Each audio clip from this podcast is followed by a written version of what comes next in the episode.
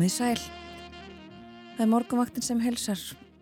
Föstu dagur í dag, komin 30. desember, næst síðasti dagur ársins og síðasti virki dagur ársins.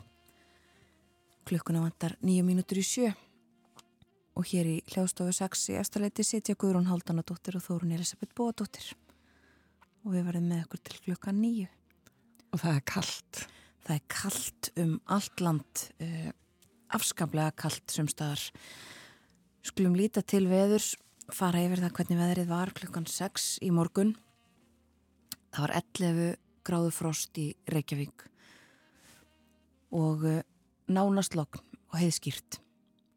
20 stiga frost var á Kanneri klukkan 6 í morgun, norðustan 3 metrar á sekundu þar. Sumulegis 11 stiga frost í Stikkishólmi, létt skíjað og söðvestan 2 metrar á sekundu. 10 stiga frost á Patræksfyrði, austan 2 metrar. Það var 8 stiga frost í Bólungavík og Hægur vindur. 7 stiga frost Hólmavík, á Hólmavík, 3 met, metrar á sekundu þar og kallt á blöndósi, líka 3 metrar á sekundu, austanátt, 15 stiga frost. 7 stiga frost á Sauðanesvita og 9 stiga frost á Akureyri klukkan 6. Þar var lítilsáttar snjókoma. 8 gráður frost á Húsavík og 9 gráður á Reyvarhöfn, 9 metrar á sekundu þar. Og það var 22 stega frost á Grímstöðum klukkan 6 í morgun og lokn. 10 stega frost á Skjaldþingstöðum og á Eilstöðum, þar voru snjójél klukkan 6 í morgun. 9 stega frost á höfni Hotnaferði, 15 metrar á sekundu þar, en þá svolítið kvast sem sagt og 13 stega frost á Kirkibæjaklustri.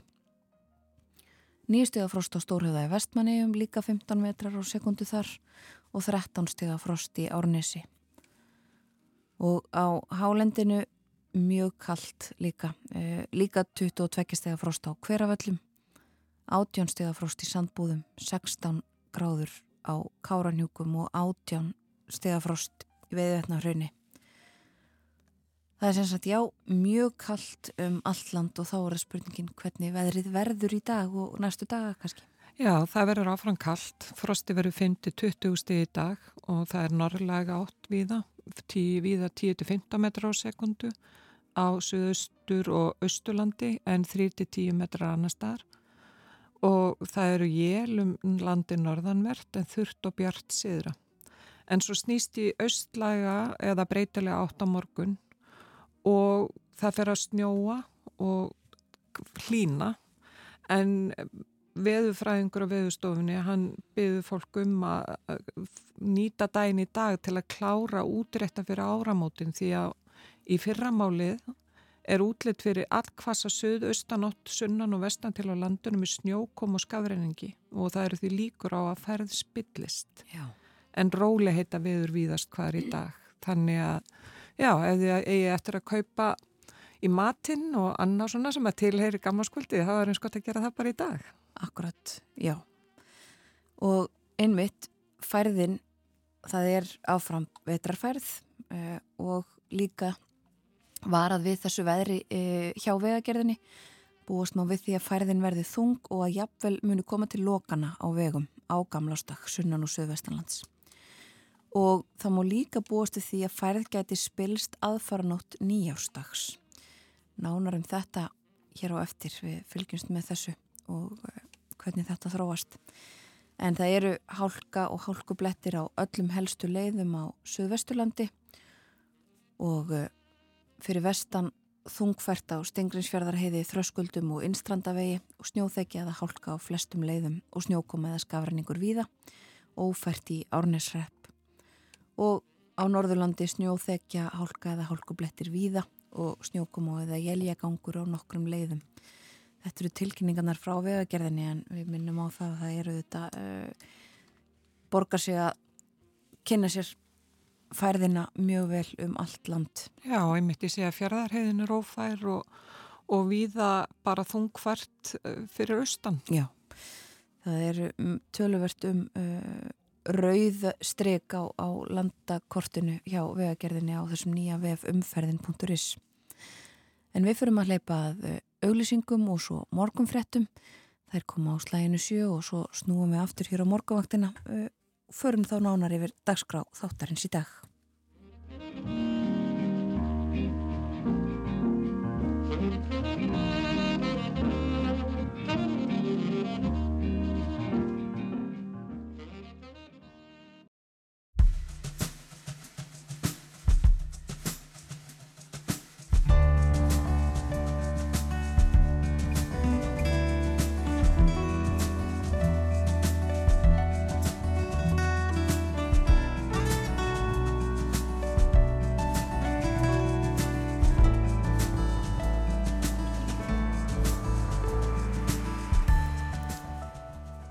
Morgunvaktin helsar og býðu góðan dag. Í dag er förstu dagurinn 30. desember og klukkan er fjóra myndu gengin í átta. Við höldum áfram umfjöldunum alþjóðamála á morgunvaktin í dag. Nú ætlum við að velta fyrir okkur samskiptum og samkeppni stórvelda, bandaríkina og Kína. Albert Jónsson, sérfræðingur í alþjóðamálum og búið Ágússon frettamæður fara yfir þau mál í setni hluta spjalls okkar um þessi málöll upp úr klukkan halv åtta. Og árið sem er að líða var viðbúraríkt á Spáni. Jón Sigurður Eyjólfsson, réttöfundur er búsettu þar og verður á línunni til að fara yfir það helsta eftir áttafréttir. Og Haldóra Gunnarsdóttir hjá færða þjónustu samtökunum Norður Hjara á Kópaskeri verður með okkur undir lokþáttar. Við ræðum við hana um áramótin á Langanissi og um horfurnar fyrir næsta ár. Og umsjóna menn morgurvartarinn í dag eru Þórun Elisabeth Bóðadóttir og Guðrún Haldunadóttir.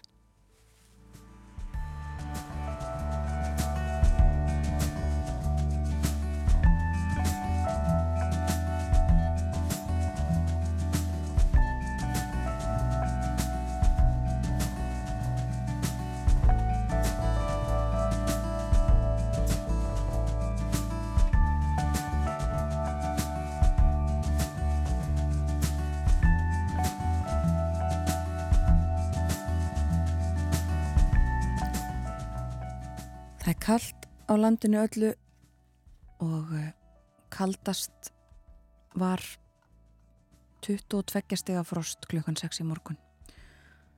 Og það mæltist á grímstöðum og hveraföllum en töluvert kallt viða annar staðar meðal annars 20 steg af frost á Kvanneri og 11 steg af frost í Reykjavík.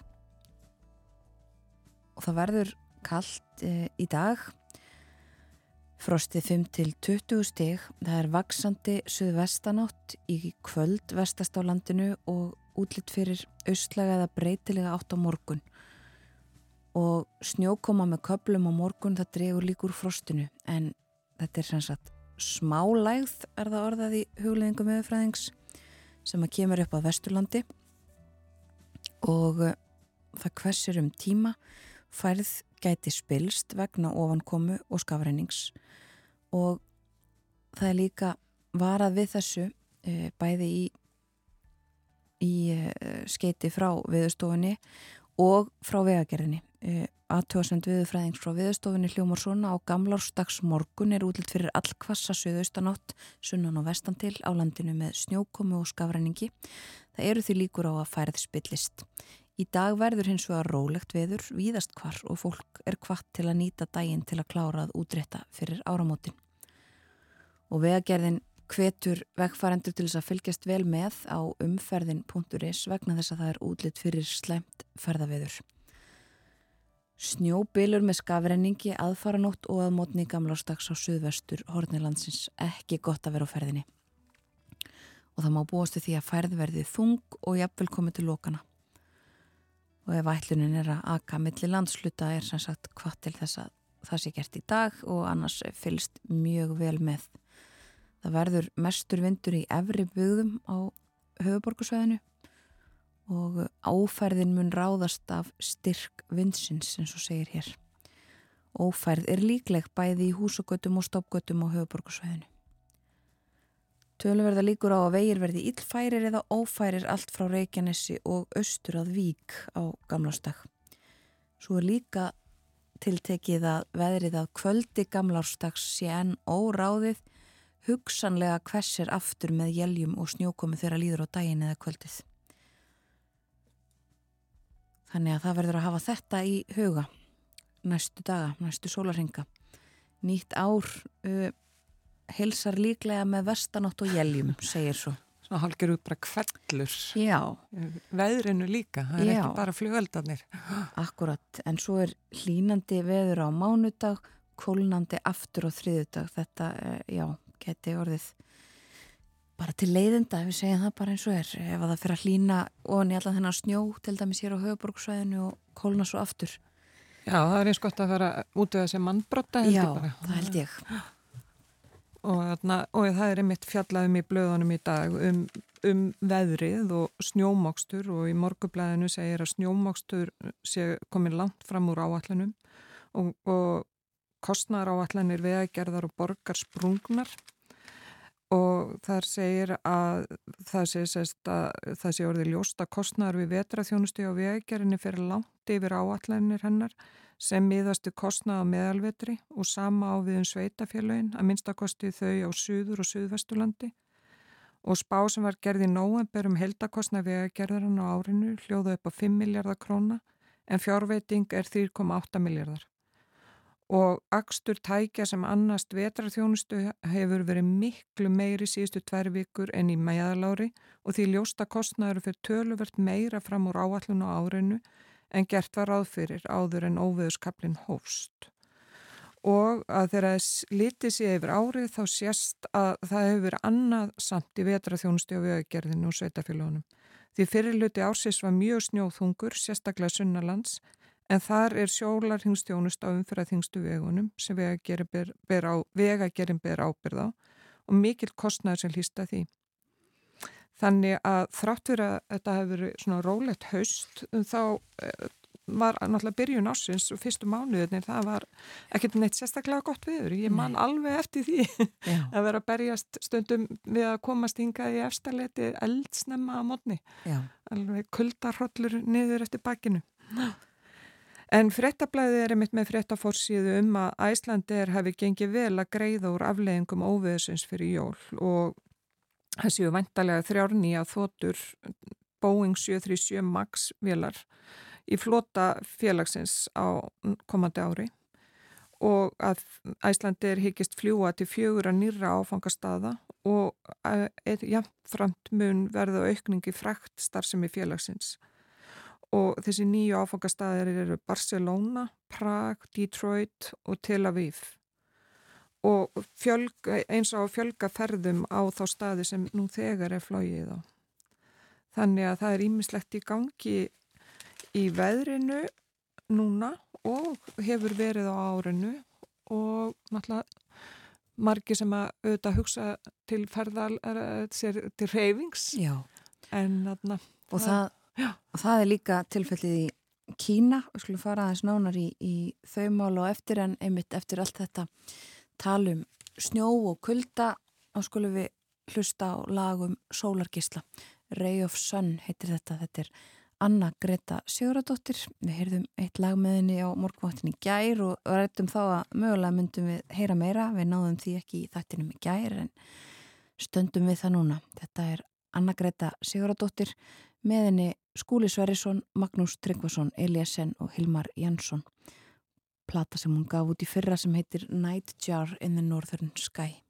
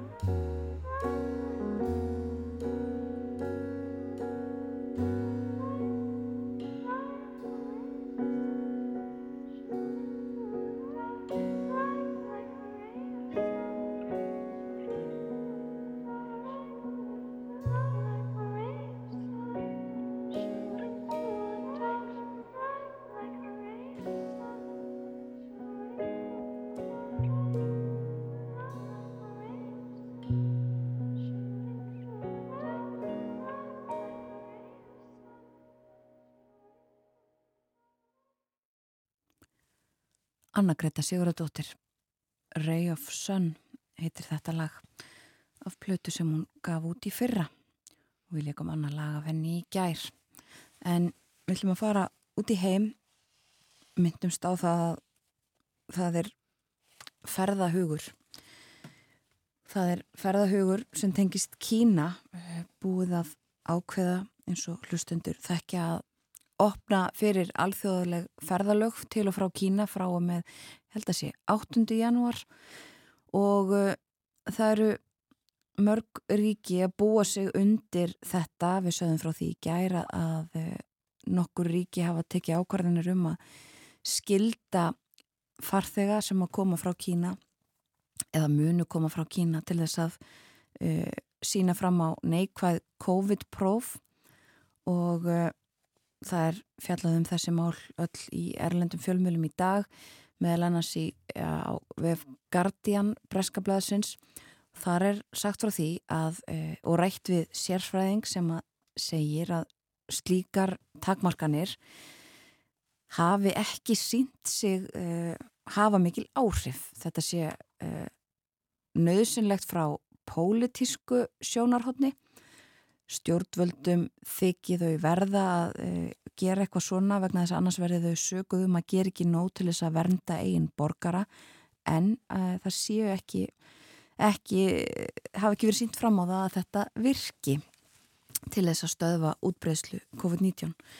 Og það sem verið er að skoða núna og líka sagt frá hér e, í þessari frétt í bandaríkunum er að taka síni úr vatni sem sagt vatni sem að verður og er notað í flugvelum frá Kína. Já. Það sé mögulega uh, árangusríkari leið til þess, að, til þess að stöðva og uh, hefta útbreðslu COVID aðteglisvert en líka fjallaðum þetta sem sagt uh, að það er um, smitum fer verulega fjölgandi eh, eins og fjallað hefur verið um það er brest uh, helsu fyrirtæki sem að heitir Airfinity sem að hefur uh, svona fylst með og sapna saman gögnum. Og ný skýsla frá þeim gerir ráð fyrir því að um 9000 manns uh, látist nú af völdum COVID í Kína á hverjum einasta deg og það er næstu því tvöfalt fleira fólk heldur en uh, fyrir viku síðan. Og uh, sagt líka að líklega hafi 100.000 manns látist frá því í byrjun desember og smitt séu líklega í kringum 18,6 miljónir og uh, þetta er sett byggt á já, gögnum sem að kínverjar hafa gefið út uh, en það er líka verið að endur nýja kvartningu til kínverskra stjórnvalda um það að veita betri upplýsingar Já, voru þeir ekki bara að hætta því núna bara fyrir tveimu dögum eitthvað sliðis, nú opiðberlega? Já, og þeir hafa einmitt verið að gefa eitthvað út um uh, smitttölur en uh, sem sagt yfir maður alþjóða helbriðistofnunarinnar Tetros Gebreisus hann hefur núna uh, svona endun í að þessar kvartningar sem að voru uh, ábyrrandi í byrjun faraldursins líka um það að kýmverjar opni einmitt upplýsingaflæðið, veiti upplýsingar vegna þess að meðan að það vanti svona yfirgreipsmiklar upplýsingar frá Kína þá sé mjög skiljanlegt að önnur ríki í heiminum uh, taki svona ákvarðanir grípi til uh, takmarkana gagvart kínverjum og fólki sem að kemur frá Kína. Og uh, eins og við höfum rætt hér á morgunvaktinni síðustu daga að þá er líka áfram erfitt ástand á mörgum sjúkrahúsum í, e, og annar staðar í helbriðskerfni í Kína og áhyggjur af þessu uh, þessari miklu útbreyslu og þá má minna á það líka að um, það er auðvitað ekki næstum því uh, eins útbreytar bólusetningar í Kína. Og kínverðar hafa enn ekki vilja taka upp eða notast við bóluefni annara heldur en þeirra, þeirra einn sem hafa verið þróið. Og þetta er náttúrulega tæplega 1,5 miljardur sem er býr í Kína þannig að þetta er náttúrulega gríðarlegur fjöldi þannig að þetta er kannski ekkit brjálæðislega hátt hlutvall enn sem komið nei, er. Nei, alls ekki. En þetta uh, og þessu verður fylgst með áfram og uh, nefni það kannski að þessi mál koma aðeins til umfyllunar hér á eftir hjá okkur í spjalli við Albert Jónsson og Bóa Ágússon. Við ræðum um Kína og Bandaríkinn og uh, þessa stöðu sem er uppi hvaða afleiðingar þetta getur haft uh, í Kína. En fleiri fréttir, það eru uh, fórsýður viða bæði flestar bresku fórsýðunar og, og sumstaðar á Norðurlandunum líka með myndir af Pele, fókbúllamanninum. Pele sem að lést í gær, var tilkynnt um andlátt hans og mik mikil umfjöllun um hann og hans líf og uh, fótboltaferil. Og líka uh, fjallaðum í breskublöðunum sérstaklega uh, Vivian Westwood fatahönniðin bildingakenda lefið mér eiginlega bara að segja. Hún var mjög, þótti mjög uh, já, hún var áberandi og uh, sérstök hafði mikil áhrif í tískuheiminum og hún lest líka í gerð. Já, og hún alltaf hafði gríðarlega áhrif líka bara í tónlistarheiminum að því að pöngi, hún er alltaf guðmóður. Já, já, alveg bara hafðar kannski til minnarkynsluðar alltaf mikið. Akkurat.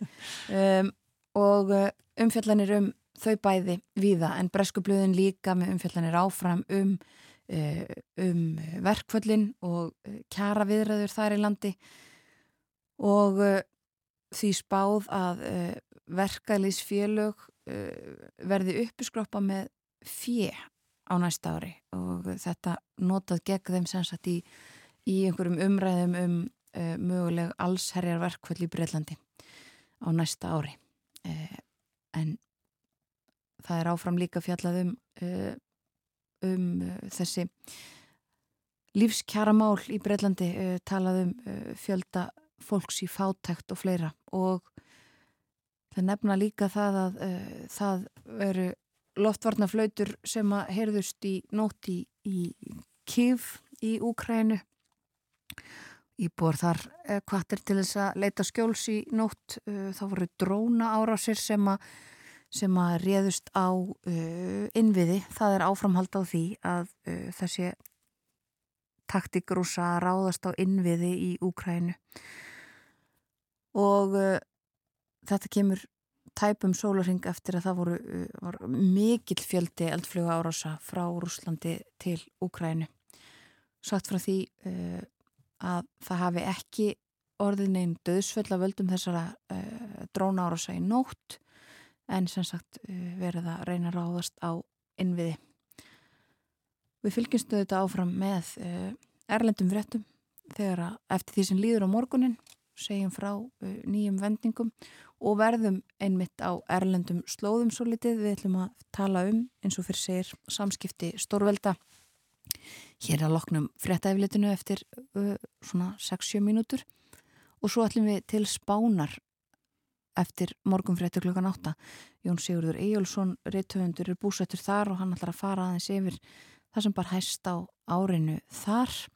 Um, við tölum meðal annars um gamla konungin Jóhann Karl, við tölum um stjórnmálinn og sér eitthvað fleira. Og svo undir lók þáttarins þá ringjum við á Kópasker, þar er Haldur og Gunnarsdóttir og við ætlum að ræðum ferðarþjónustu og uh, árið sem er framundan uh, á Langanesi og líka svo litið bara um áramótin, þessi tímamóti sem eru framundan. Akkurat. Og það er náttúrulega eins og við erum að sjá að það er jafnvel vona á því að við getum bara farið áramótabrennu þetta árið en við tölum kannski aðeins meir um þær á hér og eftir. Já, þær snúa aftur uh, ef að viður lifir kannski Já, sem held að það sé aðal máli. Já, skoðum það hér og eftir en uh, hleypum nú að auglýsingum og svo yfirliti morgunfrétta frá frettstofunni.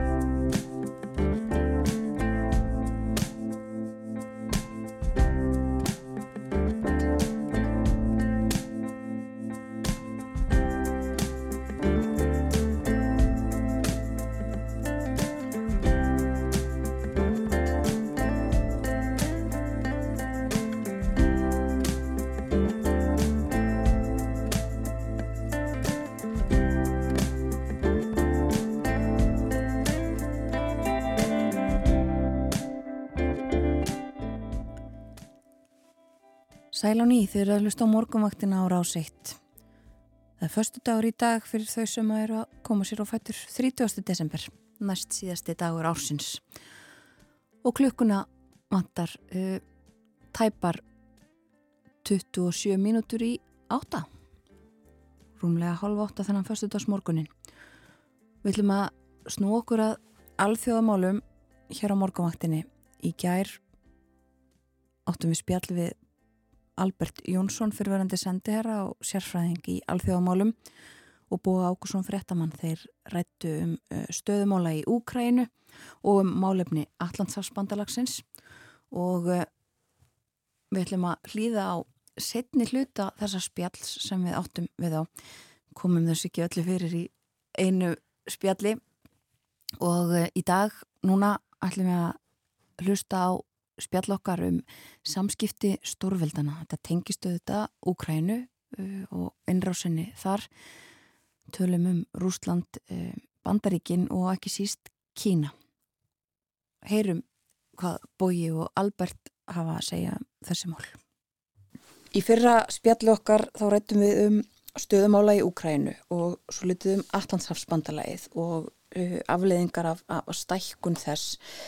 Nú ætlum við að tala þessum uh, svona ennþá starra samhengi heldur en þetta uh, innræðs og stríð í Úkrænu en við ætlum að tala fyrst um uh, samskipti stórveldana og við ætlum að byrja á að tala um samskipti Bandaríkjana og Rúslands. Þú myndist á það Albert í fyrir spjall okkar sko að Sovjetríkin hefðu verið öflugri uh, já, andstæðingur var kannski ekki orðið svo notaðir en uh, heldur en rússar eru núna. En, en sko förum aðeins yfir þessa stöðu þessi samskipti sem hafa auðvitað farið versnandi uh, Já sko, band, bandaríkin standa frammi fyrir því núna auðvitað að þurfa fjást við rúsa og í nýjútgefinni öryggi stefnu bandaríkjana, kom út fyrir nokkrum vikum, þá kemur fram auðvitað, hefur gljósa að rúsa séu vandamál sem þurfið að fást við en þeir séu allt annars eðlis en hins vegar og anstæðingunum sem er Kína. já, E, þannig að, að, að bandaríkin eru í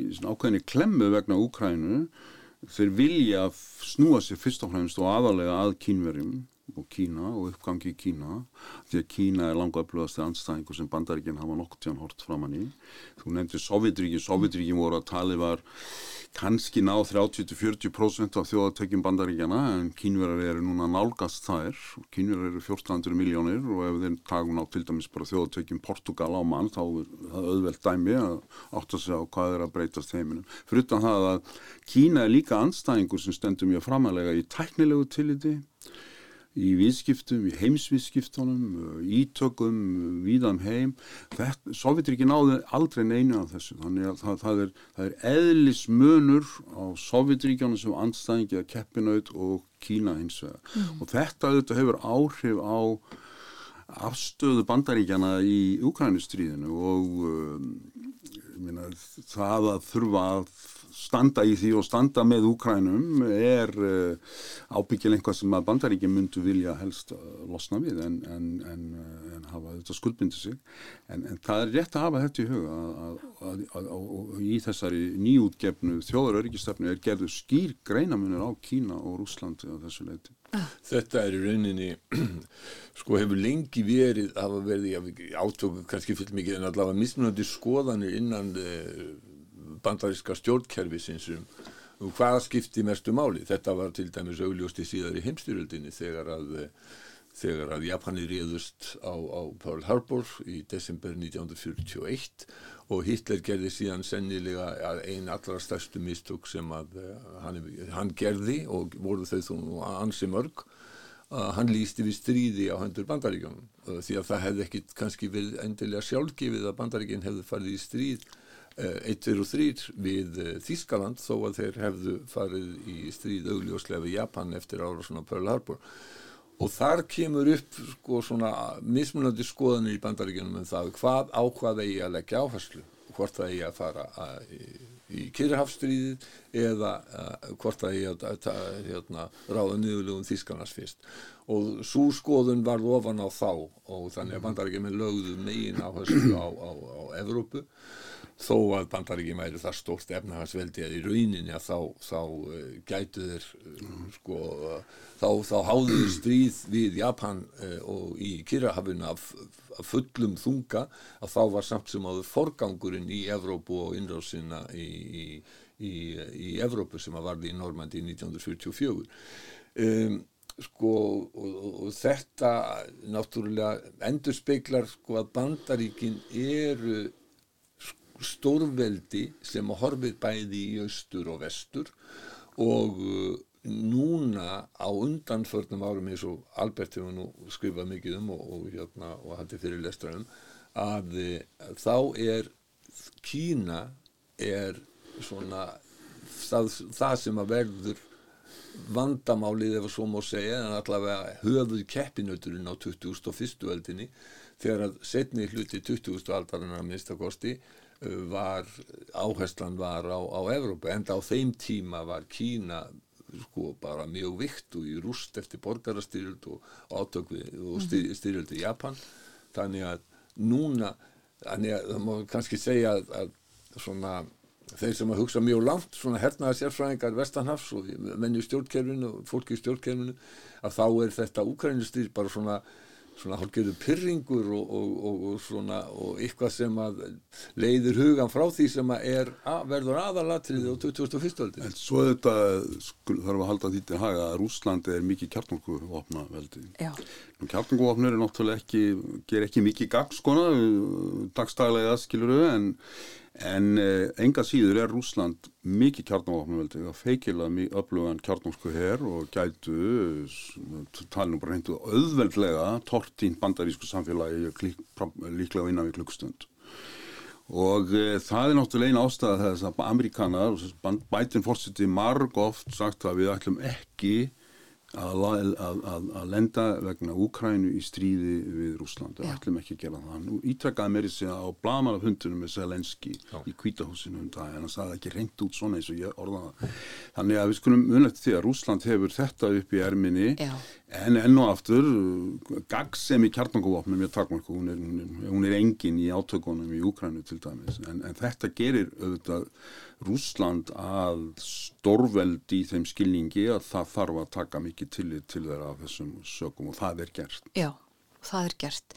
En þá er, mitt, er það eins og, eins og bóið segir, sko, þetta er bara eitthvað svona lítill, lítill blettur, eitthvað svona sem þarf að bandaríkjaman þurfa að komast í gegnum og, og klára en, en einbita sér svo að samskiptunum við Kína. Kína.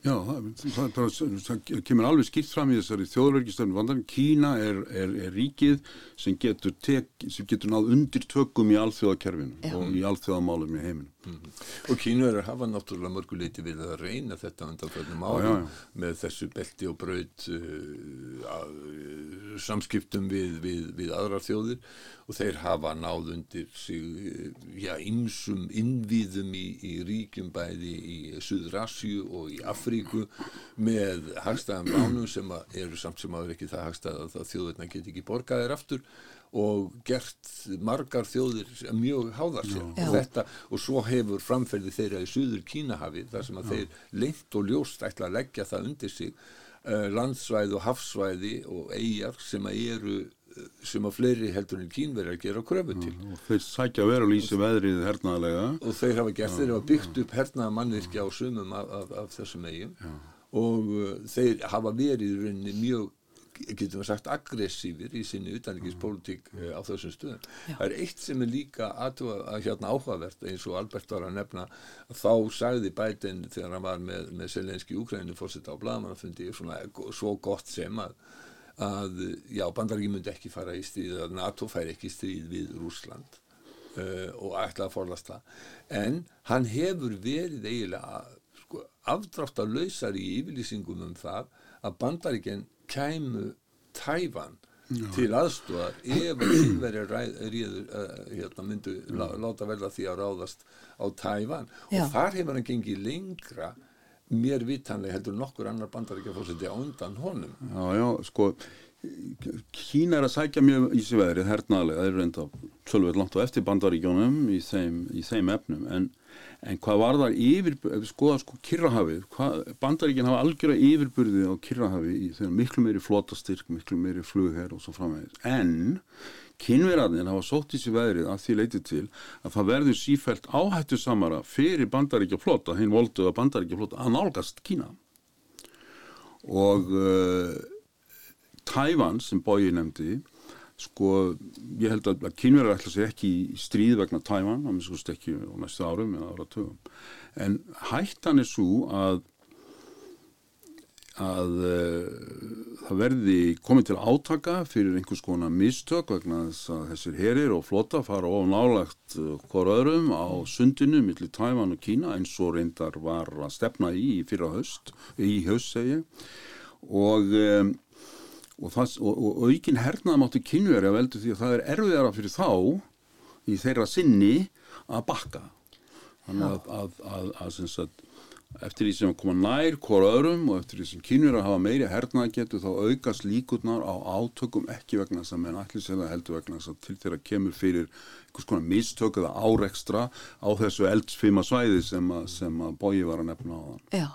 Svo má ekki gleyma því að þó að Xi Jinping hafi verið endurkjörin um, leiðtögi Kína og fórseti Kína í þriðja sinn sem er breyting á því sem hefur, hefur verið venjana undanförðin undanfarn áratví eiginlega allt frá má held ég já, að þá uh, er hann ekki einn sterkur og uh, menn það virðist svona við fyrstu sín og uh, sko það eru ákveðni veikleikar í stjórnkerfin í Kína það er lengi byggt á því hafa menn verið að segja að sko að þjóðin á meðan að þjóðin hafi það gott og þessi hafvöxtur og hlutinni gangi betur í ár heldur en í fyrra og gangi ennþá betur á næsta ári þá verði kínverjar sætti sig þegar við að búa við einræðis kommunistastjórn og ekki málfrelsi tjáningafrelsi og annars lít mm.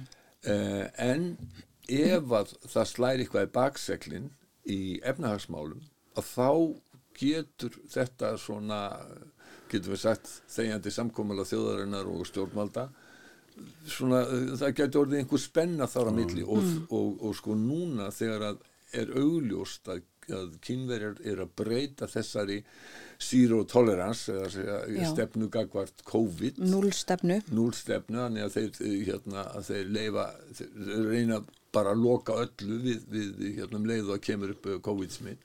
Það hefur breyst og, og það er út af fyrir sig ákveðin áfall fyrir, fyrir, uh, hérna, fyrir, fyrir fósitan Það- sem, sem að er svo tengdur þessari stefnu. Og við skulum líka muna sko að að ég var að gera mikið áðan úr því hvað Kína er mikið stórveldi sko. Að Kína býr við marga innri veikleika og þess vegna er, er kímensk kommunistaflokkurinn að herða tökinn heima fyrir til að verja ríkisvaldið og verja flokkin og því við vorum að tala um Tævan Tævan er fleitni í holdinu af því að Tævan er annar valkostar, Tævan er líðræðisríki og það getur ásamt þessum innri veikleikum leitt til ódreiknarlegra aðgerða á halvu kínverska stjórnvalda á einhverjum punkti. Akkurat. Ef að sótt að valdamunum heima fyrir að þá er það klassist að búa til uh, óvinn utan ríkisist til þess að sameina þjóðina. Já, já, Og hvort sem að það er já, fósiti og- bandaríkjana eða liðtögi Kína. Nákvæmlega og það er það sem að er svona eitt ákveðið hættu uh, augnablík í, í þessu en uh, það er náttúrulega líka Tævan sko ég held held raunar að, að kynverjarnir séu raunsæri heldur en rúsneska stjórnin var þegar hún mat möguleikan á því að leggja Úkrænu undir sig á einni viku. Ég held að kynverjarnir gerir sig grein fyrir því að það er því það, að Tævan er mjög öflugt herveldi og þeir eru að breyta sínu sko, og þeir taka þessu alvarlega á Tævan. Þeir voru með fjóra mánu herskildu sem að var svona hálfgett grín. Þeir eru núna verður ársherskilda þar sem að á að verða uh, sko alvöru herþjálfun. Þannig að þeir eru að og þeir eru að reyna að uh, stekka vopnabúr sitt fleiri flugvilar nýri og annars lít þannig að kínverjar vita það að það verður ekkert auðvelt að, að, að innlima Tævan. En sko til skamstíma líka kannski þið nefndu eh, þetta er mitt breytingar á núlstefnunni og það var kannski líka sko sjálft séð mótmæli í Kína uh, vegna þeirra stefnu og virtist vera svona sem ákvörðum væri tekin uh, út af uh, óanæju kýmisku þjóðurinnar. En svo líka núna bara síðustu daga verið að velta vöngum yfir einmitt þessum breytingum að, að það virðist ekki endilega hafa verið hugsað til enda hvernig þetta færi. Það er verið að segja fréttir af því að helbriðiskerfið sé í miklum vandræðum og verða svona spáfyrir um einmitt mögulega mögulegar afleðingar áframhaldandi efnahagslegar ef að e, það fer allt á hliðina. Þannig að eru kynverjar kannski með hugan við það svona til skamstíma? Kínverski kommunistaflokkurinn er það alveg Já. örglega, ég meina þeir hafa ábyggilega miklar áhyggjur af þessu máli og við sáum það á þessari hörkulegu, hörkulegu, hörkulegu stefnu og, og, og bara enn og aftur sko að, að, að, að Kína ræðst af, eins og öll einræðisríki, Kína ræðst af hagsmunum stjórnarinnar, af hagsmunum í þessu til kommunistaflokks Kína. Allar ákvarðanir í Kína eru með tæknar með tilliti til hagsmuna flokksins og framtíðar hans. Þannig að, að, að, að við erum bara eftir að sjá hvernig það er, ég það er alveg örugt að Xi Xi Jinping og, og, og kompani hafa miklar áhyggjur af stöðunni akkurat núna í Kína og því sem gerðist fyrir örfáum vikum með þessum mótmælum almenning sem þú nefndir. Já. Þetta ógnar akkurat kommunistaflokknum og tökunum sem þeir eru að reyna, þeir eru að herða tökin heima fyrir í Kína vegna áhyggna af stöðu flokksins. Og þá má ekki gleyma því hvernig er, eh, hvað er gerð í Hong Kong Já, já. þegar að Hong Kong uh, breytar yfirgáfu Hong Kong þeir eru verið þar sem nýlendu veldi í uh, vel á aðra öld uh, 1997 að þá lofuðu kynverjar því að Hong Kong myndi áfram fá að búa við uh, annað kerfi þeir sögðu sko eitt land, tvö uh, kerfi en uh, það duði ekki uh, nema í uh, þetta uh, 20 ár. En Kína er eftir sem áður mjög öflugt einræðisríki og þeir eru að tökin, þeir eru að nýta mjög vel nýtísku tækni og til þess að hjálpa sér við það og um, það er ríktir ekki í kommunist, völdum kommunistaflokksins í Kína en þeir hafa ábyggilega áhyggjur á stöðinu. Já. Þakka ykkur báðum fyrir að vera með okkur hér á morgunvaktinni og fara svona yfir uh, stöðu ímissa alþjóðamóla. Albert Jónsson fyrir að sendi herra á sérfræðingur í alþjóðamólum og Bói Ágússon frettamæður og gleðilegt ár. Gleðilegt ár, takk. Gleðild ár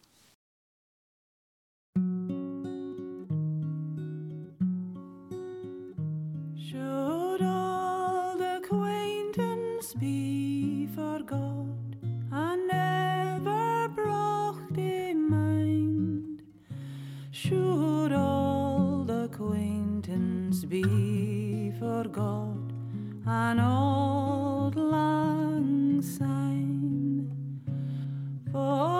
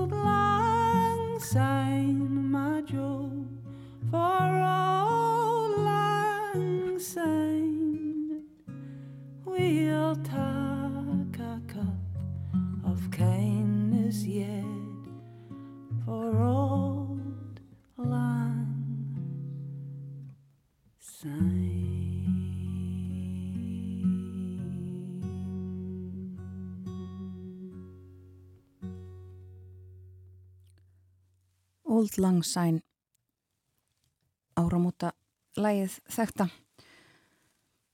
með uh, þetta er upprunalega ljóð eftir skoska skaldið Robert Burns. Fjölmarkir sem að hafa tekið þetta lag upp á sína arma. Þarna heyrðum við það í flutningi Marie Campbell og David Francis og á undan því heyrðum við uh, spjallokkar við Albert Jónsson og Bóa Ágússon um uh, alþjóðamál aðalega um Kína og Bandaríkin í þetta skiptið. Uh, veldum ungum yfir þeim samskiptum og samkjafni það líður að fréttum. Morgum fréttir koma á slæðinu átta. Og eftir það, við, eftir fréttir ætlum við að ringi Jón Sigur Eyjálsson, rittöfund sem býr í Andalúsi og Spáni. Ætla sé ekki aðeins lirra hjá honum heldur en nokkur þessa stundina. Mér þykja alla líkur á því en við spurjum hann kannski um það þegar að við náum sambandi við hann hér á eftir. Og svo í lókþáttarins ætlum að ræða við Haldur og Gunnarsdóttur og Kópaskeri. Þar hugsa ég að sé ekki mikið hlýra heldur en hér í Reykjavík efstaleitinu þar sem við sitjum. Nei, eh, það er spurning hvort það sé minni snjór kannski þar, ég veit það ekki. Það verður gaman að heyra því. Snjóalög er í, í á langanisinu, Kópaskeri og Rauvarhöfn og svo náttúrulega í Öksafyrðinum að sjálfsögðu. já. Meirum þetta hér á eftir en uh, við fáum ábyggilega að heyra eitthvað af veðri og vindum í fréttunum sem að koma eftir rúmar fimm minútur.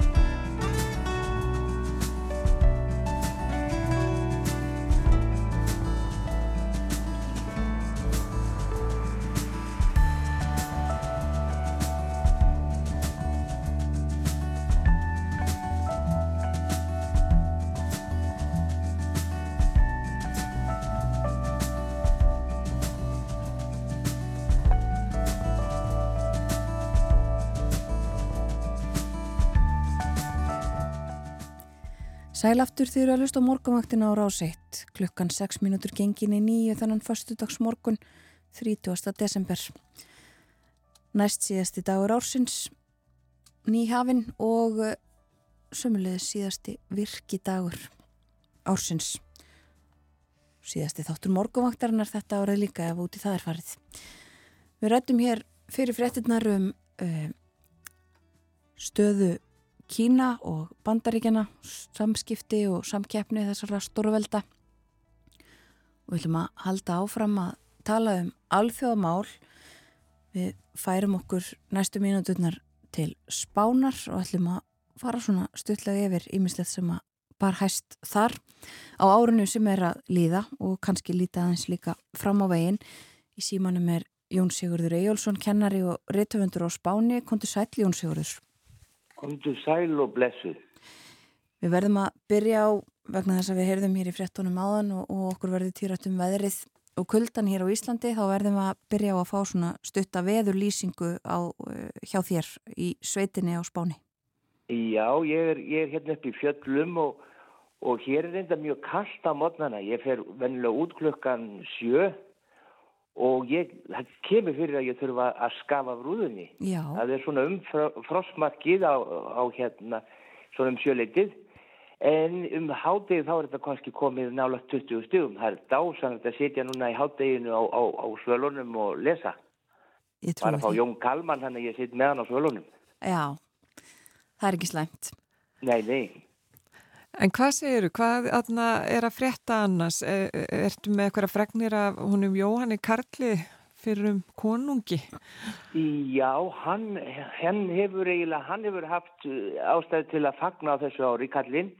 Hann náttúrulega, þetta búið að vera mjög erfitt hjá honum frá því að hann var uppvísað því að hérna, þykja frá múr frá konginum í Sáti Arabíu fyrir að liðka fyrir viðskiptum þar fyrir nokkrum árum og síðan þá hefur þetta verið þrautaganga hjá honum, hann var bara útlægur ger hér hérðan frá Spáni og hefur verið Abu Dhabi síðan og ekki látið sjá sig hérna eigilega og hefur náttúrulega verið í stappi við yfir völd hér, skattaði völd og, og svo fundust náttúrulega miklu fjármennir á, á reikningum hans í, í, í Sviss.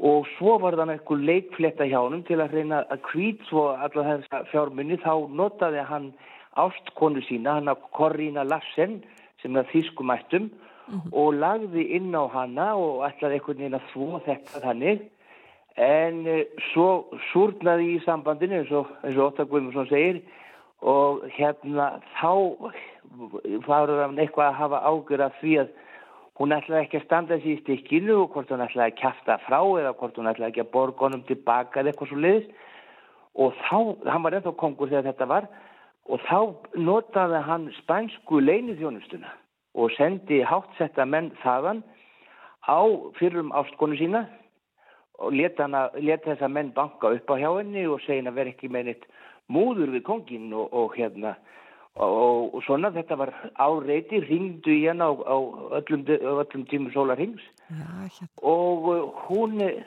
síðasta svona réttarhaldarsúpan sem að hann hefur lendi, hann náða fyrsta þetta af sig með spænska skattinn og svona, hann borgaði þeim bara og, og rettaði því þannig, en það var eitt sem að var eftir jánum og það var þessi ákjara frá fyrir máskólinni út af þessari, þessari áreiti mm -hmm. og þetta var tekið fyrir breskum domstólum út af því að hún bjó í London og kerði þetta þar Og, en hann hefur ástæði til að fagna út af því að breski domstáru komast að því að þar sem að hann var kongur meðan á þessu stóð þá nöyt hann fríðhelgis. Já. Þannig að það er eiginlega búið að ónýta máli fyrir, fyrir ástkonni og, og hérna þetta verður náttúrulega einhver málaferli en e, eitthvað út úr þessu en, en það er eiginlega búið að ónýta máli. Nú þurftum eiginlega að fá njál eða eitthvað lögfráðan til að hjálpa sér. En hann hefur alltaf til neyta því að hafa gert nokkuð af sér, eða ekki? Jú, hann er, já það má, hann er svo, við verðum eiginlega að segja, þetta er sko mjög góður kongur, hann hefur verið það og gert mikið fyrir spán og jafnvel maður segja að hann hafi hérna, bjargað líðræðinu hér þegar að, þegar að falangistarnir gerðu hérna valdarán á 73 og þá, þá stóð kongurinn þá stóð hann í lappirnar og, og bergaði þessu og enn og þetta er mikill sjarma tröll og svona en svo er hann orðið svolítið siðblindur af þessu og til dæmis koma núna í er, hann er mikill uh, siglinga áhuga maður og kom hérna í, í, í sumar mm. þegar það var einhver siglingakeppni og, og þá voru náttúrulega fjölmennir hérna að reyka fram hann í hann hljónimann og eitt er að sagði náðaspurjan þegar hann var að fara í, í sitt jett hvort að hann ætlaði ekki að byggjast afsökunar Já. og þá sagði afsökunar á hverju. Og, og, og þetta þótti nú ekki svona besta kompakið í, í bænum. Nei. þannig að hann náttúrulega sér ekkert af þessu en þó hann kannski hann losna nú eflust úr þessu. Hann er svona eins og eins og hérna í býtlalæginu hann kemur svona af með hjálp frá vinnum í gegnum þetta allt saman en, en hann hef, sér ekkert aðdugavert við það sem að eh, hann hefur gert. Það er eitt sem hann hefur einhvern tíma beðið afsökunar á, það var þegar hann fór á fíla við þar. Já, einmitt, ég man eftir því. Já, og fólk fílaði það ekki og hann baðist afsökunar á því og, og þetta skildi aldrei gerast aftur en það hefur hann enga heilsu til að fara á fíla við að lingu þannig að það höfst ekki ágjörða því að hann færi það aftur. Hann er einmitt að verða 85 ára bara núna á næstu dögum, ég held að segja eitthvað tíma bara núna í byrjun janúar. Jú, jú, jú, jú, lesaðu kallin, jú, jú. Já, já, hann andar letar uh, ágætt ár fyrir hann. En ef við að tala þessum uh, efnagsmólin, okkur verið tíðrætt um þau uh, hér á Íslandi og svona í umfjöldunum um Ímis Evropulönd, verðbólgan og lífskjara krísan, hvernig standa þessi mála á, á spáni? Verðbólgan hefur hækkað og, og er nú með allra hæstamóti og það sem við finnum mest fyrir náttúrulega verðlægið hefur, hefur rókið upp á öllum sköpuðum hlutum og við finnum mikið fyrir þessu bæði þegar við erum að fylla á tankin og þegar við erum að kaupa inn og að, að þetta er það sem að fólk finnum mest fyrir. Þar sem ég býð þar eru mikið af stóru versmiðum mikið af, af svona plastversmiðum og þar hafa menn verið á, í taprekstri í marga mánuði því að aðfengið er svo dýr. Já. og en það verður að segjast eins og er að, að ríkistjórnin hefur gert eh, talsveit mikið til að standa í lappinu og standa með alþýðinni því að við spánverðir minnu í þess þegar kreppan var hérna mikla 2008 sem við munum nú vel eftir á Íslandi. Mm. þegar allt fór í fucking, helvítis fucking fokk, það gerir það hérna líka á Spáni.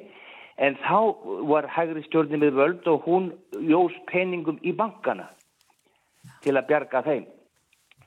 Þessi ríkistjórn er að leggja skatt á banka. Þannig að uh, hagnaðurinn hjá þeim sem er mikill hann, það verður settur skatt, skatt, skattur á hann skattur á hagnaðin hjá orkufyrirtækjum og hjá reysafyrirtækjum. Þannig að þetta er allt öðru, öðru því nálgun.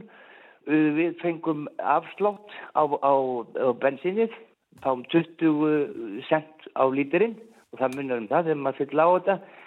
Uh, Fjóra miljónir fjölskyldina hafa fengið svona fjárhagsaðstóð og það er búið að afnema vaskin á nöðsynavörum, lækkan og, og, og það, hann hefur líka verið tekin af ólífurolju sem er Ólífuróljan er saltfiskurinn hérna, þannig myndi Haldur Lagsni segja. Já. Lífið er ólífurólja hérna á þessu svæði það sem ég er. Og þannig að hún hefur, eh, já, hún hefur hækkað lámaslaun tvísvarsinnum. Það var um 600-700 eurur, um 100.000 krónur fyrir nokkrum árum og er nú komin upp í, já við getum sagt um 150.000 íslenska krónur eða, eða yfir 1000 eurunar og þannig að þessi stjórn, þetta er ekki svona maður heitt að heima að ríkistjórnin hefur svona verið kannski ásugum að vera bara í hægurmennsku einhverju en hér er, er svona alþýðumennskan í, í, í uh, algjörnum forgangi. Já. En hvernig er með orkumálinn? Hvernig er staðan hjá ykkur með hitu, húshitun og annað slíkt? Já, það er, það er hérna Þetta eru náttúrulega rókið upp verðið á þessu öllu saman. Annars er ég núna í, í hérna, húsi á gömlu fólki hérna í, í sveitinni og hér er þetta óskup einfalt og, og kemur sér vel. Hér er náttúrulega arineldur, hvert upp í arineld á, á, svona, á mótnana. Svo er askan tekinn og glóðið sett í svona málm uh, fötumikla. Það er sett undir borð Þannig hefum við tapað sambandinu við Já. Jón Sigurð. Skulum sjá hvort við komumst ekki aftur í samband við hann. Við uh, vorum að tala um orkumálinn þarna og uh, hann var að segja okkur frá því að allt hefur rókið upp hvort sem að er átt við. Já, það að fylla á bílinn eða að fylla ískápin, það hefur allt rókið upp. Sjáum hvort að Jón Sigurður er komin aftur á línuna. Jón Sigurður, ertu þarna? Jú, jú, hérna er ég. Hann er þú, það var eitthvað, eitthvað rófið þessu sambandi. En já, já þú varst að segja okkur frá þessu. Uh, glóðin tekinn segjuru í, í málmtunnu, þetta er eitthvað sem við kannumst ekki alveg við hér. Nei, þetta hefur auðvitað verið gert svona á, á íslenskum heimilum í gamla dag. Það er við kveikjum upp í arni, svo er askan og glóð sett í málmtunnu og hún sett undir borð. Langur dúkur breytur yfir borðið, þannig að dúkurinn nær niður á golf og svo situr fólk við þetta borð og, og breyðir dúkin yfir kjöptu sér og ef maður er þarna lengi þá hitnar manni vel á, á læronum og ef maður verður of lengi þá er, verður pungurinn á manni eins og svoðin blómur. Já, hérna hér, það er skott að sitja ekki lengi. Ha, það er eins gott, þetta, en svona, og, og, og þetta er svona, þetta er mikið nota hér á Spáni og þeir sem er ekki um aðrin eldur með lit, svona lítinn kindara sem er sett undir borðið og mm. Og, og svona haldaði sér heitum hérna viðast. Annars var orku verðið bara að rjúka niður í dag og, og það er, kemur til vindorkan er, og svo hefur þetta bæði sem sagt núna út af stríðinu þá uh, hættum við að kaupa gas frá, frá rúsum og, og reyndar stendur ágætlega hvað það var við vorum ekki jafn hérna við vorum ekki jafn svona uh, uh, undir áhrifum af þessu gasi frá Rúslandi eins og margar Evropu þjóðir En þá fórum við að kaupa gas frá Allsýr en sambandi hefur ekkert verið voða gott við Allsýr undanfærin ár en, en svona til að líðka fyrir þá fór Petro Sánchez fórsetisráðura til, til Allsýr og var, fór að gera hósu sína grænur fyrir þeim. Og, og hérna það gekk bara vel og, og hérna við erum við ekki bestu vinni, jú við erum alltaf verið svo góðir og, og allsýringar nýttu þessi tæki ferðið þess að vera, að stíga svona í vangi við sjósfjörði. Hyrði, eru þið ekki, finnst ykkur ekki alveg eh, allt annað bara fráleitt en að, en að vestur Sahara verði sjálfstætt ríki? Jú, elsku kalling mín að alltaf fundist að þá ringdu allsýringar beint í Marokko og sagði meiri sér spánverjum finnst að vestur Sahara ætti að vera sjálfstætt ríki. Og þetta mega Marokkoman ekki heyra þannig að þeir sagði nú finnst þeim það já, já þá þeir skula aldrei fá að finna fyrir því. Og til að hefna fyrir þetta þá opniði Marokko e, e, landamærin. En Spán, e, Spánverið reyga borgir hérna á ströndum Afríku e, og við Marokko þeir opnuðu landamærin þannig að fólk sem var ekki með neina pappir upp á vasan vappaði bara yfir landamærin um miðjan dag og, og allt stóð opið og þetta hafa verið gert svona annars lægi þegar að, þegar að Petro Sánchez hefur verið ofgóður við allsýr. Já, já, já, þeir svara bara með því að opna landamærin og kannski við litla hrypningu fólks á meginlandinu. Já, þetta er svona svipatrykk og, og hérna, Erdogan hefur verið sakaður um að nota þegar hann í fílu við Evrópusambandið. En þetta fór nú mjög illa. Það er reyndar eitt af þessum hróðalögu atbyrðum sem að átt sér stað á þessu ári. Það var, það var ein bara alda af, af hérna, innflytjöndum. Þeir höfðu komið allavega frá Sútan. Líklegast hefur verið sá orðrimur að þeir væri með linkind þarna við landamærin í Marokko og, og þeir gerðu áhlaup þarna í Melilla sem er spænsk borg á, inn í Marokko Já, og það endaði með skelvingum því að þeir margir að krömdust undir í þessu áhlaupi í, í göngum eða það segja yfirvöld í Marokko einir dóu þegar að margmenni mikið fór upp á varnamúr sem að síðan hrundi. Mm. og síðan vil Amnesty International meina það að uh, yfir, eða lögreglan þarna í Marokko hefði tekið heldur hrjúflega á þeim. En þarna létust 23 innflytjendur og uh, hátt í hundrað held ég sem að voru slasaðir. Og þetta sér maður í sjónvarpinu þetta, þetta er náttúrulega ennþá mikið delt um þetta hér og, og innan ekki sáður hér á Spáni uh, situr svolítið í súpunni og neytar því að nokkur maður hafi látist innan spænskra landamæra. Já, já.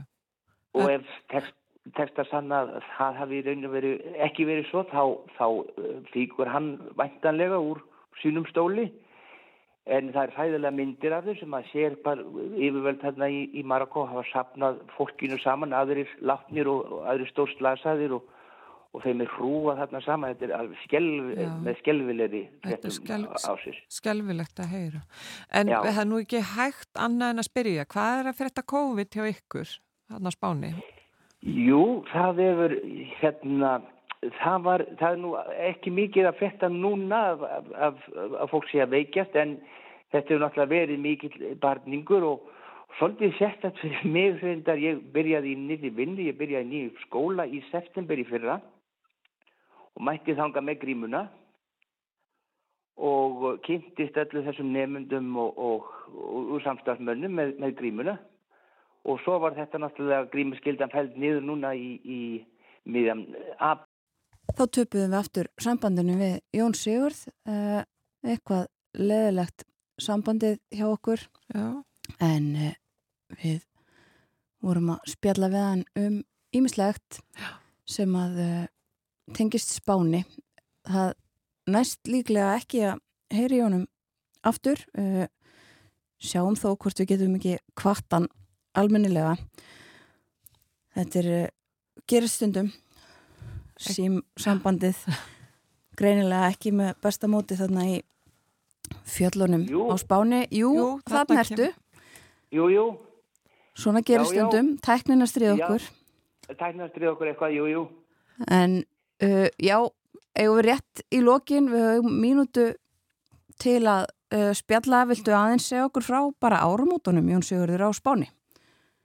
Já, þau eru kannski sérstöka því leit það er ein hefð sem að stendur hér upp úr en síðustu 12 sekundina fyrir, fyrir sagt áramót áður en að nýtt ár er, er slegið inn þá borða spánverjar 12 vinnber. Akkurat. Já, Og af hverju gera þess það?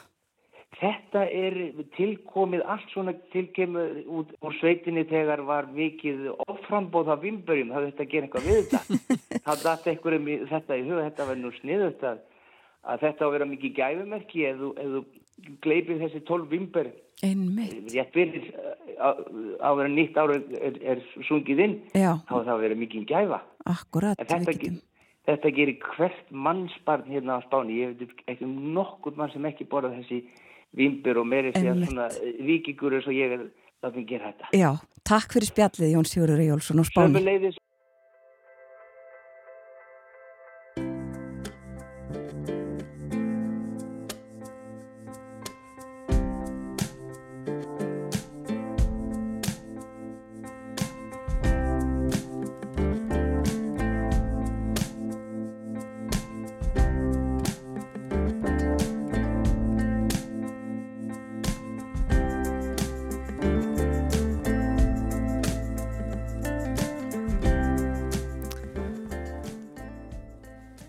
Klukkuna vantar núna 28 mínútur í nýju, það er farið að síða setni hlutan hjá okkur hérna á morguvaktinni, síðustu morguvakt ársins og enda förstu dagur og þetta er náttúrulega stutt áramóta frí hjá flestum, bara helgar frí. En þetta batnar á næsta ári, það verður lengra frí þá. Já, og kannski fyrst við erum að tala um það þá minnum við á að uh, fólk sérstaklega á söðvesturhóttni landsins er hvað til þess að klára allt fyrir áramótin í dag vegna þess að veðrið á morgun það uh, getur verið til mikill að vandræða. Akkurat og það er svona spurning hvað verður um áramótabrennurnar en það verður náttúrulega fylst vel með því að fréttastofu rúf af því að það er spáð miklu um, um, leiðunda veðra morgun og það er ekki kveikt í brennunum eða fer mikið yfir tíu metra held ég. Nei, En við heyrðum hérna áðan í Jóni Sigurði Eyjólfsinni, kennar og rítöfund og spáni og þurftum því miður að kveðjandaldu snögglega símasambandi var eitthvað leiðilegt að slitnaði ítrekkað. já, Þannig að, að við fengum hins vegar að heyra svona hvað var bara helst að góma á, á, á spáni um þessa myndir og sað okkur aðeins af konunum fyrirverandi Jóhanni Karli já, sem er nú töluvert síðan að leta völdum og svona Filipus tók við. já. Við rættum líka um efnaðasmálin um, stöðu COVID og aðeins í lokinum áramótin á Spáni. Vínberinn 12. Já, Vimberinn 12 sem að hvert mannsbarn á Spáni fær sér eh, eins og Jón Sigurður saði okkur frá. Hann saði okkur líka eins frá veðrinu, það er kallt þannig í fjöllunum þar sem hann er á mótnana, svo fer hitin upp undir 20 gráður í hátteginu. Hann sagði sitja þar út á svölum og lesa Jón Kalman. Já, það er ekki mínus 20 heldur pluss 20. Já, og uh, fær sér kannski kaffi. Við ætlum að heyra eitt lag áður en við ringjum á Kópasker þar sem Haldur og Gunnarsdóttir er. Hlustum á Prins Pólu. Er of seint að fá sér kaffi núna.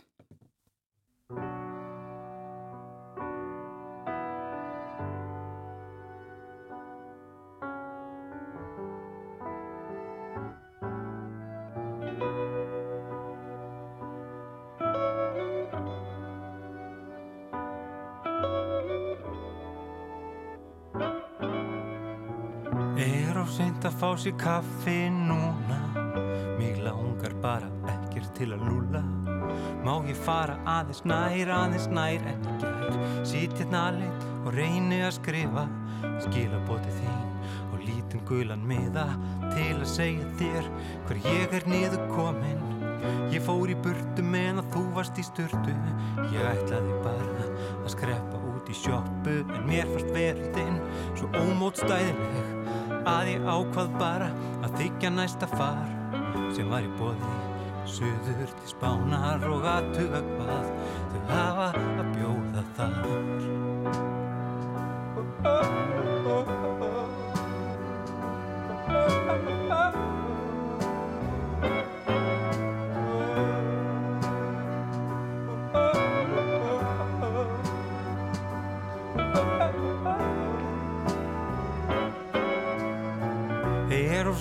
fá sér kaffi núna.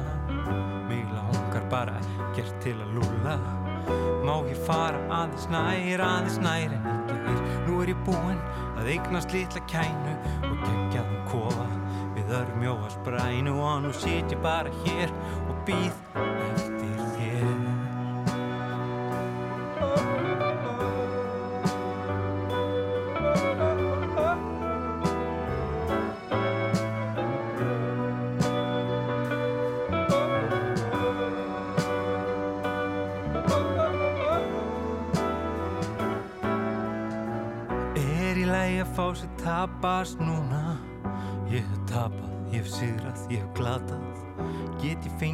aðeins fleiri skamt en ég ger Í þessu lífi, ég þarf ekki mikið En ég væri samt alveg til í að losna við stritið Og allt argað þras um ekkert af viti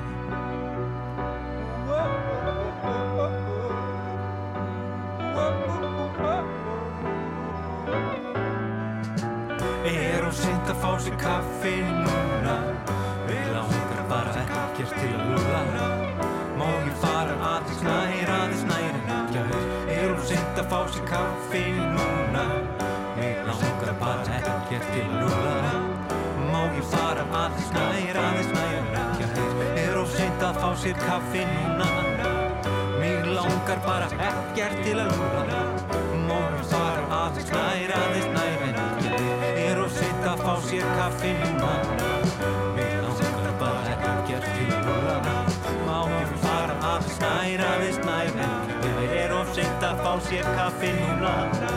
Mig langar bara ekkert til að lúla Má ég fara aðeins nær, aðeins nær en ekki að Er of seint að fá sér kaffi núna.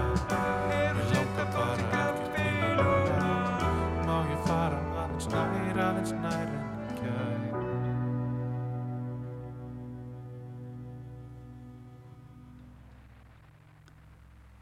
er of seint að fá sér kaffi núna.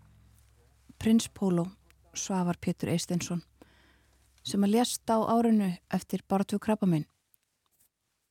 Þetta lag uh, kom upphaflega út á plötunni þriðja kryttið og uh, þessi útgáfa sem við heyrðum þarna var á uh, plötunni Falskar minningar sem kom út uh, 2020 ef ég mann rétt með honum þarna Benedikt Hermann Hermansson, Margaret Arnardóttir og Örn Eldjátt. Og þá erum við komnar í samband við Halldóru Gunnarsdóttur á Kópaskeri. Góðan dag, Halldóra. Góðan daginn, komið þér sælar. Kontu sæl. Eh, Við verðum auðvitað að byrja í dag á að spyrja þig um veðrið og, og svona útlitið þarna út um glöggan hjá þér á, á Kópaskeri. Já, þið hafið áhuga á snjóalögum, er það ekki? Jú, jú. það er bara, eh, það er svona hefbundið, það er jælikangur, það er skafrinningur, það er ekki, jú, það er svona þó nokkur snjór en við erum ekki byrðið svo kafi, það er ekki að segja þetta sé svona eitthvað óvinnilegt. Nei. En þetta markast lífið hjá okkur svona eins og hjá fleirum að kulda og snjó og, og svona óvissu í færð og hefur svo sem gengið á ymsu svona um hátíðarnar. Já, það hefur gert það. Já, það á jóladag þurfti að fella niður uh, allar messur hér í, í kringum mig. En svo róðið til og þá er þetta að halda jólaböll, jólatrés skemmtileg fyrir börn og fjölskyldur, það var alltaf mjög skemmtilegt og, og svona gengur þetta. einmitt. Þegar að snjóar í svona miklu frosti eins og er hér, ég held að sé nýju til frost, þá er náttúrulega snjórin svo léttur. Þessi lausa mjöll, hún er alltaf á ferðinni, hún getur ekki verið kjur. Nei, akkurat, já og, og sko hvernig er útlitið hjá okkur uh, á morgun um áramótin? E, ég held að spár segja að segja nú eitthvað að bæta í og eitthvað að vera á segði. Já, Það verður bara að taka því öllum næðurleysi eins og við gerum hér. jú, jú, En Þetta er bara svona, við fáum því ekki breytt. það er rétt. Hvernig hérna eins og, já, fyrir ekki. Já, nei, ég ætla að bara að segja að það er, þetta er reynd að móka og ég sé að það verður að reysa göttur hér og kopaskeri og skafa og bæta. Já, Og ég ætla nú alls ekki að lasta mókstursmennina okkar hér og okkar svæði. Þeir gera sem þeir geta. já, Sannlega, en stundum er það bara ekki hægt og þýðir ekkert og þá verður bara svo að vera. Já, þá verður fólk bara að taka í rólega og halda Já, sig heima. það gerum, það gerum við, já. Verður brenna á kópaskeri á, á morgun? Já, það eru brennur hér á öllu svæðinu uh, á Bakkafyrði og Ranganissi og Órauðuröfn og hér. Já. En þetta er sagt svæði sem ég starfa á Mhm. frá Kópaskeri fyrir ekki úr keldu hverfi austur á Bakkafjörð. Akkurat, já, Já, að, sko, starfar að ímsum málum, þú getur þetta hjá uh, ferðarþjónustu samtökum einmitt á þessu svæði sem þú nefndir, eh, sem heita Norðurhjari mm, og já, segð okkur aðeins frá hérna, við höfum nú áður rætt við þig einmitt um svona ímislegt í, í ferðarþjónustunni þarna, en uh, kannski byrjum á að fara aðeins yfir það hvernig uh, árið sem er að líða var, þetta, þetta árið þar sem að fólk fór að koma aftur til landsins í meiri mæli eftir, eftir COVID hvernig hefur þetta verið hjá ykkur á þessu svæði? Jú, ferðarþjónustan gekk bara mjög vel á síðastlunu sumri og þetta var, bara frá því í mæju út oktober, bara mikið að gera. Þannig að, að það var, eh, já, eins og ég segi, mikið fjör og um, einhverju leiti náttúrulega var verið að e- eins og margir uh, upplifuðu svona tapa af, eins og maður segir. Fólk hafi ekki ferðast í, í tvö ár, tvö-þrjú ár. Þannig að það var uppsöfnu ferðarþörf og kannski uppsöfnu peningar og það síndi sig hér Eh, fyrir nú utan þess við nefni hvað við vorum glöð að geta haldið allar okkar bæjarháttir og haldið allar hóttónleika og amalisveslur og brúkursveslur og allt Já, sem að við vorum lengi búin að býða eftir akkurat, eins og næstmyndarlir. já, Þannig að eh, já, það gekk bara mjög vel hjá náttúr flestum, hefur ekki öllum hér á, á þessu svæði og nú horfum við til næsta árs hvernig skildi það verða já. og erum með þetta mjög björnsýn bara, það verður ekki alveg sagt.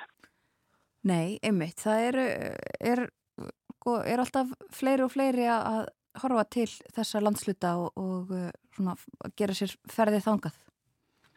Já, það má segja það og kemur auðvitað margt til. Eh, Við erum með stóran hluta af henni svo gutu norðurstrandarleið eða Arctic Coastway sem liggur hér með strandinni og alveg östur á Bakkafjörð og nú fer hún að koma inn af, af krafti og er að koma inn. Um, við höfum uh, á undarverðinu missurum verið að kynna fyrir í ferðarstjónum til geiranum bættar samgöngur því að eftir að uh, vegurinn við bakkaflóhan var laður bundinu sliðlægi þá er allur norðausturvegur 85 orðin uh, já, malbyggaður eins og maður segir eða með bundinu sliðlægi og það eru mjög margir sem að gera þetta í grein fyrir því að nú er bara óhætt að fara strandina það er ekki lengur hætt, hættulegt það er ekki hættulegir malarir lengur nema þú viljir finna á þá getur þú fundið á enn en uh, og, og það eru eins og ég segi það tekur tíma að koma þessu inn í ferðarþjónustu geranum og hjá þjóðinu og hjá ferðarmönnum og hjá ferðarskriðstofum Já, að, að nú er allt í lægi að koma sko. Akkurat. En eins og með vetratíman, nú eru að koma ferðamenn til ykkar ef, ef þú talaður um út á oktober, er, er liggur ferðarþjónustan í dvala svona yfir háveturinn? Um, við erum enn þá með talsverðan ástíðasveiflu þó að svimari hafi lengst. Uh, það er náttúrulega um, alltaf svona slæðingur orðin allt árið, slæðingur á ferðamennin. En betur fer þá, þá tóku þeir skilabóðunum okkar rétt og, og uh, komu ekki um áramótin, segi ég. Þannig að ég veit ekki að, um að þeir hafi lendið vandræðum hjá okkur. Þeir tóku sönsum. Já. En uh, já, það er svona, uh, eins og ég segja, ástæðasvefnan er talsverð og það sé orðin alveg slæfingur í hverju minnasta mánuði Já, yfir veturinn. já. Og eitt af því sem að er svona að uh, breytast eða útlitt fyrir að það er að það verði líka flóið sko bæði austur og norður til og frá útlöndum. Og það hlýtur að uh, líka breyta töluverðu fyrir uh, ykkur og, og, og þessum slóðum. Já, það skiptir gríðarlega máli, beintflug frá Örpu til Akureyrar og til Eilstað og uh, horfa á það jável að þessi uh, gaman að geta flogið inn á Eilstöðum og svo farið heim frá Akureyri NS. Uh, fleiri og fleiri flugfélög. Þetta er þetta árangur að gríða mikill og langri vinni hjá markastofun Allands og mörgum fleiri sem er hérna að bera árangur og þetta kemur til með að skipta mjög miklu máli fyrir þetta svæði Mhm. og ekki má nú gleyma næser sem er heima flugfélagið á. Akureyri og hvað þetta er skemmtilegt fyrir okkur líka að komast beint. Já, fyrir nú utan það, það má ekki bara einblinn á ferðamennina, þetta er líka uh, munur fyrir uh, Íslandinga og íbúa hér á Íslandi að komast. Já. Já. Já, skipt miklu máli bæði, bæði tíma og penningum og, og fyrirhöfn og vissinni. Það er alveg dásamlegt, Já, alveg auðvitað, frábært. já, það munar miklu. Þannig að við, við horfum björstum augum eh, til framtíðarinnar hvað þetta var þar. Já, þú nefndir áðan sko uh, bæjarháttíðirnar og, og, og þetta allt saman sko sem er á, á sumrin. Uh, Þau fáið líka til ykkar uh, innlenda ferðamenn. Þeir eru væntanlega kannski fleiri í þegar það eru haldnar bæjarháttíðir og, og fleira slíkt og svo auðvitað veit ég að þú ert líka í fórsvari fyrir ferðafélagi þarna. Er, eru margir sem að koma til ykkar annar staðar að á Íslandi? Já, uh, þeir gerðu það í COVID, svo hurfuðu nú svolítið Já. sem ferðamenn, eins og þetta er, að síðast yfir samar, voru einhverstaðar, hann staðar. En uh, já, bæðáttuðnar, uh, þær laða auðvitað til sín svona brottflutta og, og þá sem hafa tengingar. Við erum með sólstöðuháttíð, Jónsmissuna á Kópaskeri, við erum með Bryggjuháttíð á Þorsson á miður sumri og við erum með menningarháttíð í tegnsla við hrútadaginn á, á höstin á Rauvarhöfn sem að tóður auðvitað í fólk. Og svo nefndir og gunguferðnar sem að ferðarfélagið sem heitir Norður Slóð, það má passa sig að hörgla þessu ekki saman með þessu Norður sko, Já, já. sem að býður upp á sömalifisgungur á svæðinu í sumar. Og erum með svo litið, við höfum verið að búa til svolítið sértakar ferðir sem eru auðveldar í, í þessum bransaði talaðum einn skó eða tvo skó og við erum að búa til auðveldar ferðir. Sem eru einn skór standa samt fjóra daga og það er alveg lappað. En við erum ekki að fara á fjöll, það er ekki mikla brekkur, við erum ekki að vaða ár. Heldur erum við að, já, að lappa og alveg talsveit, alveg upp í 12 km á dag og segjum náttúrulega sögur allan daginn og sérstaklega á kvöldin. Þá eru alls konar upplýsingar og fræsla og sögur Já. Og þar fyrir utan erum við reyndar með eh, gaman reynda ferð á langanesinu sem er tveggja skóa. Hún er svona heldur erfiðari Já, einmitt. og í þetta erum við að reyna að tveggja uh, gungu fólk. Já, og þarf ekki endilega einmitt að vera vantgöngu fólk eins og þú segir í þetta allt saman. Hægt að koma Nei. samt, já, Já, það er nefnilega hægt, eh, þú veist ekki að vera neitt svona ofur akkurat. þó að séu þetta gengið eitthvað. Já. Við erum ekki bara, við setjum ekki kyrr og, og, og segjum sögur og, eða, eða förum í rútu Nei, nei, nei, einmitt. En þannig að það er bara uh, bjart síni uh, í ferðarþjónustu og ferðarmönsku og bara heilt yfir. Já, það er, má sem maður sannig segja og, og það þýðir endur ekkert annað. Þannig að við höldum ótröðu áfram að kynna, kynna og, og segja frá svæðin okkar. Já, og það gengur vel. Takk fyrir að segja okkur frá og, og uh, aðeins líka af áramótunum og, stöðu mála uh, á Kópaskeri og þessu svæði öllu saman Haldur og Gunnarsdóttir og gleðilegt ár. Leðilegt ár, Gleðilegt sem er leiðis. Takk fyrir. Verið sælar. Bless, bless.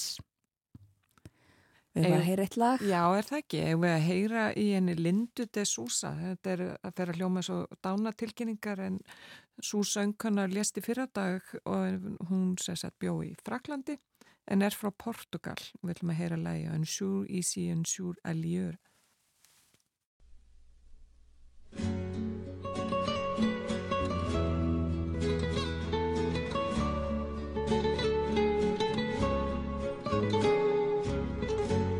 Jour ici, un jour ailleurs, un jour capri, un jour en fleurs, j'ai mis devant dans mes bagages. Un jour ici, un jour ailleurs, vient le moment où il sonne l'heure d'écrire enfin une autre page. C'est pas facile de s'en aller sans savoir vers qui s'en aller.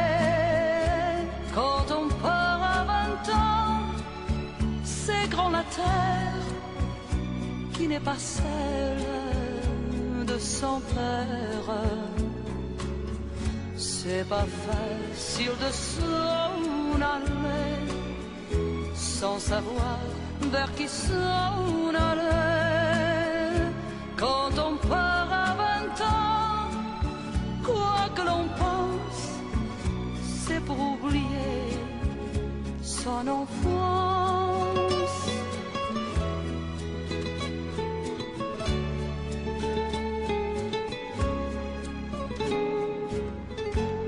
Un jour ici, un jour ailleurs, un jour souci, un jour meilleur. J'ai la mémoire qui s'impatiente. Un jour ici, un jour ailleurs, je n'ai pas le goût du malheur et de la vie, je suis cliente. C'est pas facile de s'en aller sans savoir vers qui s'en aller. Quand on part à vingt ans, c'est grand la terre qui n'est pas celle de son père. C'est pas facile de s'en aller sans savoir vers qui s'en aller. Quand on part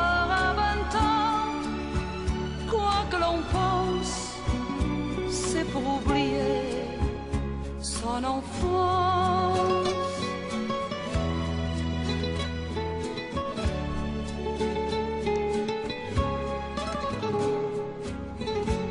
Un jour ici, un jour là-bas, j'y repasserai quelquefois, histoire de parler de la France. Mourir ici, mourir ailleurs, j'ai mis mon cœur, ma montre à l'heure, c'est ici que je n'ai plus peur.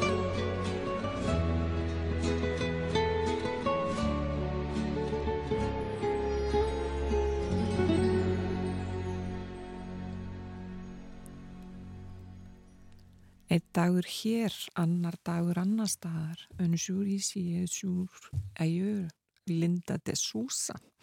Hún er nú greinilega þarna undir dálitlum fat og áhrifum frá heimalandinu Portugal, þrátt verið að hafa verið búsett í Fraklandi stærsta hluta æfinar, en hún lést sem sagt 28. desember 74 ára aldri. Já. Og það voru eftir kost COVID sem að fóru með henn hana. Akkurat, þetta var síðasta lægið sem við leikum á morgunvaktinni í dag. Já, þessa vikuna og þetta árið. Þessir að ljúka hjá okkur. En áður en við hverjum verðum við þá ekki aðeins að hafa nokkur orðum viður og færð.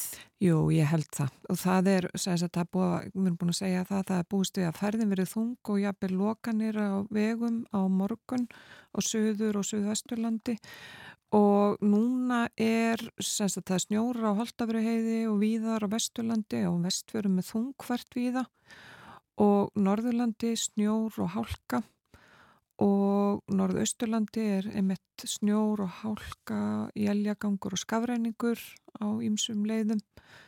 Og austurlandi það búið að opna fjardarheiðina en það er skafræningur þar. Já.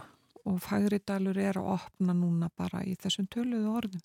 En það er þæfingur frá Kvolsvelli að viki Myrdal og Myrdalsandur er ennþá ófær eftir nóttina síns mér, en Já. það er unnið að makstri Og það uh, borgar sig að hafa þetta allt saman í huga og skoða vel uh, þessi mál, hvert, hvar á landinu sem fólk er eiginlega. Og þetta geti uh, haft áhrif á brennur og fleira slíkt sem að hefðbundið er um áramót sem að þó þurft að sleppa síðustu ár vegna COVID-emitt.